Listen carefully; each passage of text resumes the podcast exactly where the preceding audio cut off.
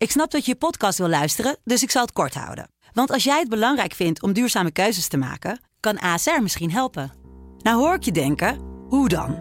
Nou, bijvoorbeeld bij het duurzaam herstellen van schade. Of de premies die we beleggen volgens ons duurzaam beleggingsbeleid. Dat bepaalt waar we wel en juist niet in investeren. Wil je meer weten over welke duurzame keuzes ASR maakt? Ga dan naar asr.nl slash duurzame keuzes. ASR doet het. Zo, dan kan je nu lekker naar je podcast luisteren. Dit is een podcast van De Telegraaf. De Stembus. Het is 8 maart en tot en met 17 maart zijn we er op werkdagen met het belangrijkste nieuws rondom de Tweede Kamerverkiezingen. Mijn naam is Cameron Oela en vandaag een hele bijzondere aflevering die volledig in het teken staat van de speciale verkiezingsbijlagen van de Telegraaf. Vijf lijsttrekkers die mochten op de stoel van de hoofdredacteur plaatsnemen. Per partij leverde drie eigen telegraafpagina's op met bijpassende rubrieken. Ik ga erover praten met eh, Inge Lengton, chef van onze parlementaire redactie. Moet ik het goed zeggen, die zit hier tegenover me. Verkiezingsbijlagen, eindelijk uh, is hij er. Ik zeg eindelijk, want jij hebt er wel afgelopen week uh, hard aan gewerkt hè? Ja, het is heel leuk om te doen. ik heb heel veel contact gehad met nou ja, vijf politieke partijen en hun redactieteam. En ze hebben ja, er alles aan gedaan om een, een echte telegraaf te maken. Ja. Met, met alles erop en eraan. Hè, van, de, van de chocolade, letters tot alle typische telegraafrubrieken. Nou ja, en uh, het ei is gelegd. Ja, want het is echt, zegt, de rubrieken van de privé, wat u zegt, uh, de columns. Het kan eigenlijk allemaal hè, op, deze, op deze dag. Ja, ze hebben er driftig uh, gebruik van gemaakt. Ja. En zondag hebben we, de, dus gisteren hebben we hier de vijf lijsttrekkers ook te gast gehad. Mark Rutte van de VVD, Wopke Hoekstra van het CDA. Geert Wilders, die was de eerste die hier langskwam van de PVV. En later kwamen ook nog Sigrid Kaag van D66 en Liliane Ploemen van de Partij van de Arbeid. Um, ja, Geert Wilders, die, uh, voor hem is het een soort jongensdroom, geloof ik, hè, om uh, op de stoel van de hoofdredacteur ja. te zitten. Wat, wat mij opviel uh, is inderdaad dat hij zich heel goed thuis voelde in het kantoor van, van Paul Jansen. Hij heeft daar ook over getwitterd en ja, hij voelde zich als een vis in het water. Ja, dat viel wel op. Ja. ja. Wat is je verder opgevallen op, die, op, op deze bijzondere dag? Het was, kijk, het, het, was een bijzondere editie. Hè. we doen dit nu voor de vijfde keer. Uh, we zijn begonnen in, uh, in 2006. Um, ehm, en uh, ja, normaal gesproken is het gewoon eigenlijk een, een, hele ja, gezellige, dolle boel. Maar ja, corona ja, gooide natuurlijk dit een beetje in het water, leek het in eerste instantie. Dus we hebben een corona-proof editie gemaakt. En ja, ook daar viel genoeg te lachen toch ook wel. Ja, genoeg, genoeg te lachen? Ja, ja. ja zeker. Um, wat echt een, een, een gebbetje uh, werd in de loop van de dag, is het zetten van de handtekening. Ook dat is een, uh, ja, een echte traditie. Alle, alle gasthoofdredacteuren mogen hun krabbel zetten op een muur in de, ja, op de Telegraafredactie. Nou kwam Geert Wilders als eerste langs. Dus zijn, uh, zijn handtekening stond er al. En Mark Rutte kwam vervolgens en die zette hem daar natuurlijk boven. Ja, ik denk dat hij ook ietsjes langer is dan uh, Geert Wilders, een paar centimeter. Uh, ja, nou, uh, hè, dus Wilders die had hem al zo hoog mogelijk gezet. maar Mark Rutte is erin geslaagd om hem daarboven te zetten. Dus uiteindelijk zijn ze dan toch wel zo, ja, dat ook daar toch strijd in. Wie is de, de, man met de handtekening bovenaan? De dames keurig gewoon. Nou ja, Sigrid Kaag stond onderaan. Ja, ja, Die, die, die, die geeft daar niet om. Mij is daar niet eens opgevallen. Nee.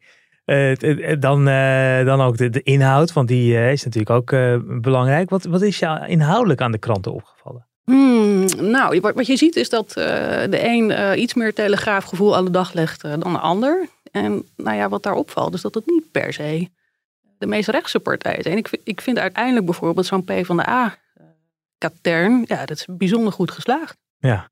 He, die, neem nou bijvoorbeeld de, de privé-editie, onze, onze privépagina, typisch Telegraaf. Ja, die mogelijkheid hebben ze uh, gewoon uitstekend benut door uh, daar de dochter van Johan Derksen op te voeren. En uh, dat is ook zelfs nieuws geworden. Hè? Dus ja. de, de nieuwsneus van Lilianne Bloemen en haar team, nou, dat, daar is niks mis mee. Nee. nee. Over een neus gesproken, er was bij in de, in de PVV-krant was er ook een neus te zien. En de neus van Rutte. Ja, mooi bruggetje, ja, inderdaad. Nou, uh, we hebben natuurlijk niet alleen uh, gisteren op de redactie uh, de krant gemaakt of afgemaakt en, en, en, en besproken. Maar er is ook een, een heel studiogesprek over geweest. Dus de lijsttrekkers kwamen in de studio op bezoek en werden stevig aan de tand gevoeld door Wouter de Winter en, en Pim CD.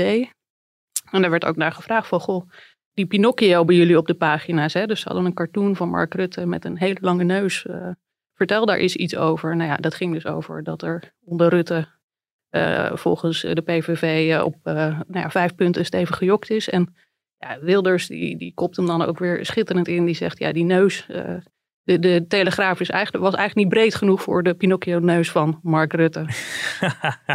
ja, dat weet hij dan ook weer eh, slim, eh, slim aan te pakken. We gaan zo ook wat eh, fragmenten laten horen uit die, uit die gesprekken die zondag plaatsvonden hier op de redactie. Um, je zei het al, een coronaproof editie. Dus het is niet helemaal met die. Want normaal hebben die lijstteksten allemaal tegelijk hier te gast. Dan ja. Toch naar elkaars pagina's kijken, een beetje gebbertje hier. Ja, een ja expressje, kopje koffie op de voorpagina van ander zetten, dat soort. Uh... Ja, dat zat er, zat er nu niet in, maar ze zagen hier wel voor het eerst ook die, de krant van, uh, van de ander. Uh, leverde dat nog bijzondere momenten op? Mm, mm, ja, nou, ik, het is toch een beetje, je, je, je gaat jezelf met elkaar vergelijken. Um, ik, ik, zag dat Wopke Hoekstra op een gegeven moment langs het kopieerapparaat uh, liep waar de uh, VVD-voorpagina lag. En ja, die kon het toch niet even nalaten om te roepen van nou, die mag wel door de shredder. Dus eh, nee, die competitie die was er zeker. Ja, dus Toch, toch een beetje waar, daar waar het kan uh, ja. de gebbertjes en, en ja. blijven, blijven proberen. Um, nou, de krant is vandaag hè, bij, als bijlage dus te krijgen bij de Telegraaf. ook verhalen staan ook online, is allemaal terug te vinden op telegraaf.nl. En ook uh, in onze apps. En uh, nou, een, traditie om voor te zetten, denk ik zo. Hè? Sowieso, dit uh, smaakt opnieuw naar meer. Ja. ja ik hoorde zelfs geloof ik een lijsttrekker zeggen, kunnen we dit, niet gewoon eens in een half jaar doen? Toen dacht ik, ja, dat, is, dat is handig. Gewoon lekker je eigen krant kunnen maken zonder tussenkomst ja, van ja, de redactie. Ik, ik, ik, weet dan niet of die lijsttrekker bedoelde dat er dan ook weer nieuwe verkiezingen moeten komen. Dat zou natuurlijk interessant zijn. ja, nee, dan had het, was het nieuws geweest. ja, ja.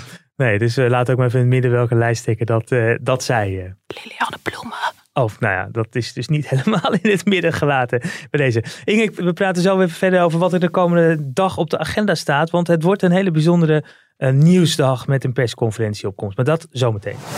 Maar nu eerst een uh, overzicht van de lijsttrekkers die dus, uh, zoals we net al zeiden, op de bank zaten bij collega Pim CD en politiek commentator Wouter de Winter. Allereerst was daar Geert Wilders. Naast de vele inhoudelijke vragen werden er ook YouTube-vragen beantwoord. Wilders deed een ontboezeming over wat voor een YouTube-filmpjes hij kijkt. Kattenfilmpjes, uh, ook leuk. Hoe heet het ook weer? Er zijn twee hele bekende katten. Um, ik, weet, ik ben de naam even kwijt. Uh, die hebben ook een kanaal, dus ook dat ja. vind ik af en toe leuk. Maar nogmaals, ik zit er niet de hele dag achter, maar ik vind het wel ontspannend om ja. um, soms in bed met je, met, je, met je iPad een beetje van die filmpjes te kijken. Ja, dus lekker in bed uh, YouTube-filmpjes kijken. Liliane Ploemen, die reageerde tijdens een interview met de Telegraaf duidelijk over de anonieme aantijgingen richting partijgenoot en Kamervoorzitter Khadija Ariep. Goed, ik weet niet wie het zijn. Ik, nogmaals, nee. uh, ik zou heel graag willen dat ze ons. Maar de mensen die haar manipulatief noemen, bijvoorbeeld, wat wilt u zeggen tegen diegene? Nou ja, als je dat vindt, dan moet je dat uitspreken. Dan moet je het vooral tegen haar zeggen. Ja, bedoel... Maar dat is ze niet. Nee. Ja, in een interview met De Telegraaf dit weekend zei Rutte voor een nationaal herstelplan te zijn. Dit levert hem kritiek op van andere partijen. Waarom wachten tot na de verkiezingen, zo zei Ploemen. Rutte reageerde daar dan ook weer op plan, zoals ik het zie, ligt er. Ik heb twee weken geleden natuurlijk een brief aan Nederland geschreven, ook in de Telegraaf en een grote advertentie in andere kranten, waarin ik beschrijf wat zijn nou de elementen van dat herstelplan op de economie, op de overheid, op de gezondheidszorg. Mijn punt is alleen dat de VVD gaat, ook in de laatste peilingen, geen 75 zetels halen. By far niet. We gaan coalities krijgen. En dan moet je dus, vind ik, voorkomen dat we dadelijk in die formatie zitten. En dat we dan die deur dicht is en dan staat Wouter of jij staat er met een microfoon voor die deur te wachten. Uh, terwijl Nederland denkt, jongens, we hebben dadelijk genoeg vaccinaties, genoeg testen. We willen weer aan de slag. Ja, en ook CDA-lijsttrekker Wopke Hoekstra die kwam langs op de grijze bank. Wouter de Winter was op de voorpagina van de CDA-verkiezingskrant een zinnetje opgevallen. Een ingewijde weet, Wopke is innemend en vasthoudend. Dat is zijn geheime wapen. Dus ik dacht, ja, wie zou die ingewijde zijn? En wij dachten, het is niet Hugo de Jonge. Uh, nou, die zou het ook best kunnen zijn. Ik weet eerlijk gezegd niet wie, welke ingewijden ze gevonden hebben. Nee? Uh, je bent niet betrokken geweest? Bij ja, nee, ik ben zeker betrokken geweest. Maar het is, het is niet zo dat ik nou iemand heb gevraagd... en die vervolgens in de krant als ingewijde... Heb toch een ingewijde gevonden die heel positief dus, is. Ja, ja. Dus, dus, wie zou het kunnen zijn uh, ik, ik, ik, denk dat ze meerdere ingewijden weten te vinden. Ja, die ingewijden was natuurlijk een knipoog... omdat wij regelmatig ook ingewijden schrijven... als bronnen ons iets melden... maar waar we de naam natuurlijk dan niet van kunnen noemen. Ja, er was dan ook veel te doen over de schenking van 1 miljoen euro van uh, techmiljardair Steven Schuurman aan D66. Natuurlijk vroeg uh, De Winter, onze politiek commentator Wouter, zich af wat deze man ervoor terug zou willen. Wil wat wil die man er eigenlijk voor terug? Helemaal niet. Een miljoen geef je toch niet zomaar weg? heeft het gegeven via een stichting. En eh, het eh, ver- verkiezingsprogramma was al lang uit. En wij hebben natuurlijk heel duidelijk gemaakt... ook dat er nooit iets voor terug te vallen val, verwachten valt. Behalve onze inzet voor ons verkiezingsprogramma. Punt. Bij mij nog steeds Inge Lengton. Inge, wat eh, staat er de komende 24 uur op het programma? Ja, nou, ik, ik denk eh, dat er genoeg op het programma staat vandaag. We hebben natuurlijk gewoon de coronapersconferentie. Ehm en en nou ja, vooraf aan die pers- persconferentie eh, vergadert het kabinet eh, daar altijd nog over. Moeten de, de laatste losse eindjes eh, nou ja, eh, worden, worden afgeknoopt, om maar zo te zeggen. Ehm, en ehm, even kijken.